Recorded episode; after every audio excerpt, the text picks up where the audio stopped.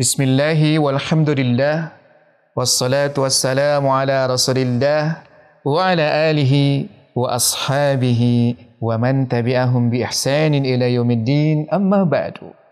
Ikhwas sekalian dan juga akhwat Yang semoga senantiasa dimuliakan oleh Allah subhanahu wa ta'ala.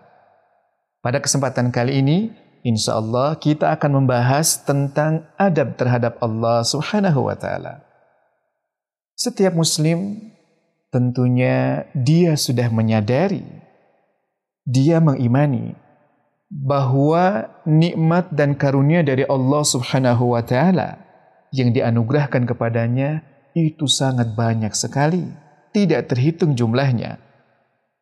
Dimulai dari semenjak dia masih berada di dalam rahim ibunya, nikmat ini terus berjalan menyertai dia sampai dia kembali menghadap Allah Azza wa Jalla sampai dia mati. Jika setiap muslim menyadari hal ini, maka itu akan mendorong dirinya untuk bersyukur kepada Allah Subhanahu wa taala. Bersyukur dengan lisannya dengan cara memuji dan menyanjung Allah Subhanahu wa taala dan juga bersyukur dengan seluruh anggota badannya dengan cara apa? Dengan cara menundukkan anggota badannya untuk senantiasa patuh, untuk senantiasa taat kepada Allah Subhanahu wa taala. Inilah di antara adab seorang hamba terhadap Allah Subhanahu wa taala, yakni bersyukur kepada Allah atas segala nikmatnya. Bukan dengan mengkufuri nikmat-nikmat yang telah Allah berikan kepada hamba, bukan dengan cara mengingkari karunia-karunia atau pemberian-pemberian Allah Subhanahu wa taala. Allah Subhanahu wa taala berfirman di dalam surat An-Nahl ayat 53. "Wa ma bikum min ni'mah faminallah." Nikmat apa saja yang ada pada kalian, maka itu semuanya berasal dari Allah Subhanahu wa taala. Kemudian Allah juga berfirman di dalam surat An-Nahl ayat 18. Wa in ta'uddu ni'matallah la tuhsuha. Jika kalian menghitung nikmat Allah, maka kalian tidak akan bisa menghitung-hitungnya. Kemudian di dalam surat Al-Baqarah ayat 152 Allah juga berfirman, "Fadhkuruni adzkurkum." Karena itu ingatlah kalian kepadaku, niscaya aku akan mengingat kalian washkuruli wala takfurun dan bersyukurlah kalian kepada aku dan jangan kalian kufur terhadap nikmat-nikmatku. Ikhwah dan juga akhwat, azani Allahu wa iyyakum jami'an. Seyogianya bagi setiap muslim, dia betul-betul menyadari bahwa Allah senantiasa mengawasi dirinya di mana pun dia berada. Allah selalu mengetahui kondisi seluruh makhluknya seluruh hambanya. Jika seorang muslim betul-betul menyadari hal ini, maka akan timbul rasa takut di dalam hatinya kepada Allah Subhanahu wa taala. Jiwanya akan senantiasa mengagungkan Allah Subhanahu wa taala. Sehingga sikap demikian akan membuat dirinya merasa malu untuk bermaksiat kepada Allah Subhanahu wa taala. Akan merasa malu untuk menyelisihi perintah-perintah Allah Subhanahu wa taala dan melanggar larangan-larangan Allah Subhanahu wa taala. Sikap seperti ini, sikap merasa diawasi, rasa takut kepada Allah Subhanahu wa taala, mengagungkan Allah Subhanahu wa taala juga merupakan di antara adab-adab seorang muslim terhadap Allah Subhanahu wa taala.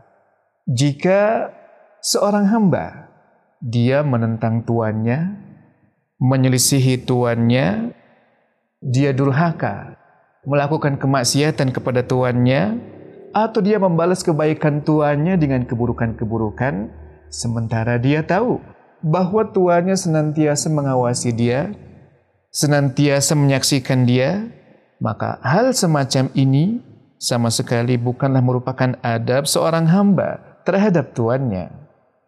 Allah Subhanahu wa taala berfirman, di dalam surat Nuh ayat 13 sampai 14. Ma lakum la tarjuna lillahi waqara. Mengapa kalian tidak percaya akan kebesaran Allah Subhanahu wa taala? Wa qad khalaqakum. Padahal sesungguhnya Allah telah menciptakan kalian dalam beberapa tingkatan kejadian.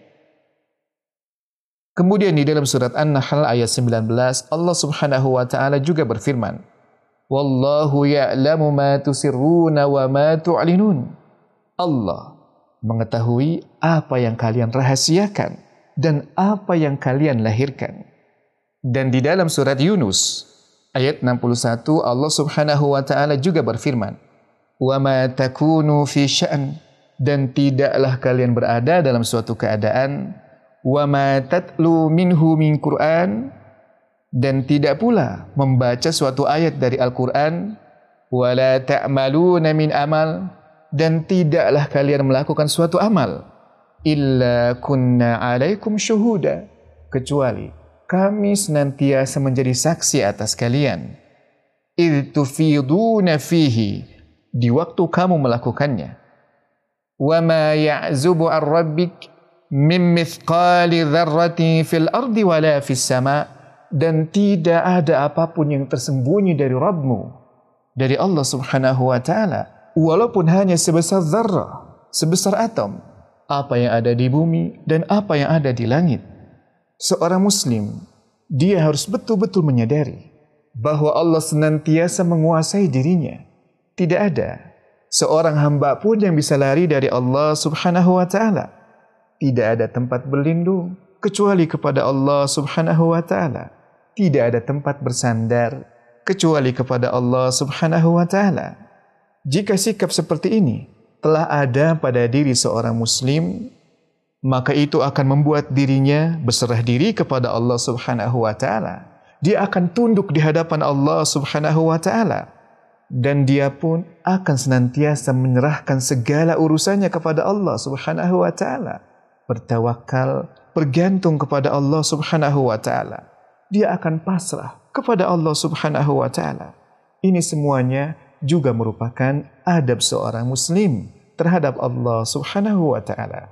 Tidak termasuk beradab jika ada seorang hamba yang berusaha lari dari Allah Subhanahu wa taala yang padahal tidak mungkin ada seorang hamba yang bisa lari dari Allah Subhanahu wa taala. Tidak ada hamba yang bisa terlepas dari Allah Subhanahu wa taala. Dan juga termasuk tindakan yang tidak beradab.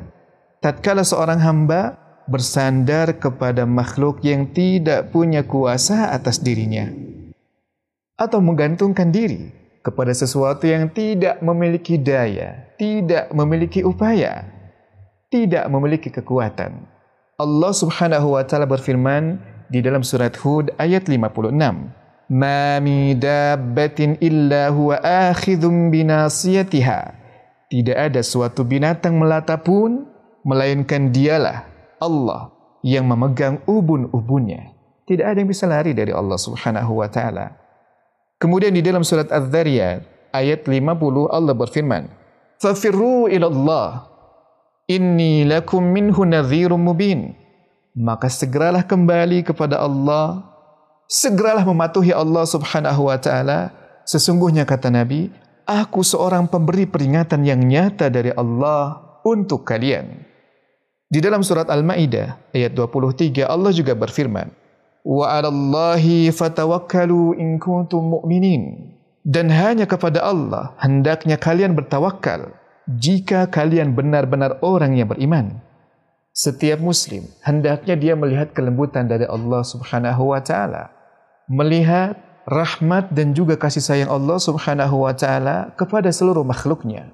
Karena dengan begitu dia akan selalu menginginkan tambahan dari Allah Subhanahu wa taala, tambahan kelembutan, tambahan kasih sayang, tambahan rahmat dari Allah Subhanahu wa taala.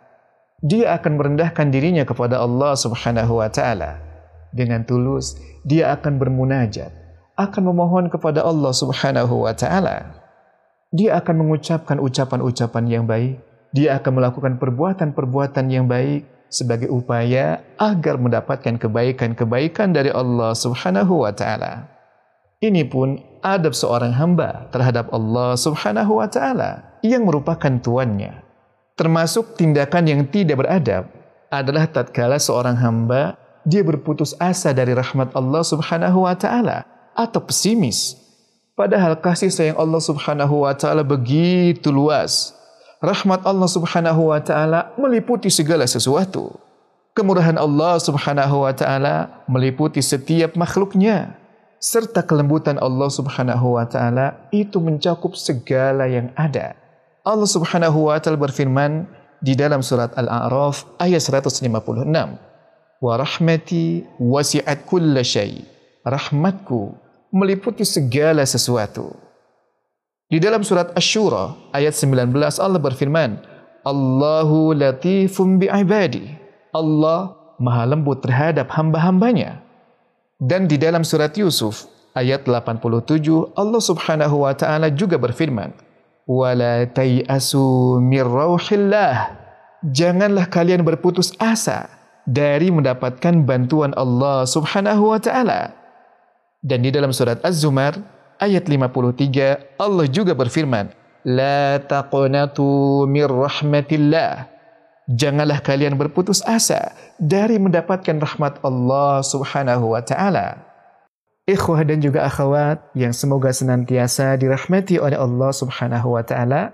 Demikian yang bisa saya sampaikan. Wassalamualaikum warahmatullahi wabarakatuh.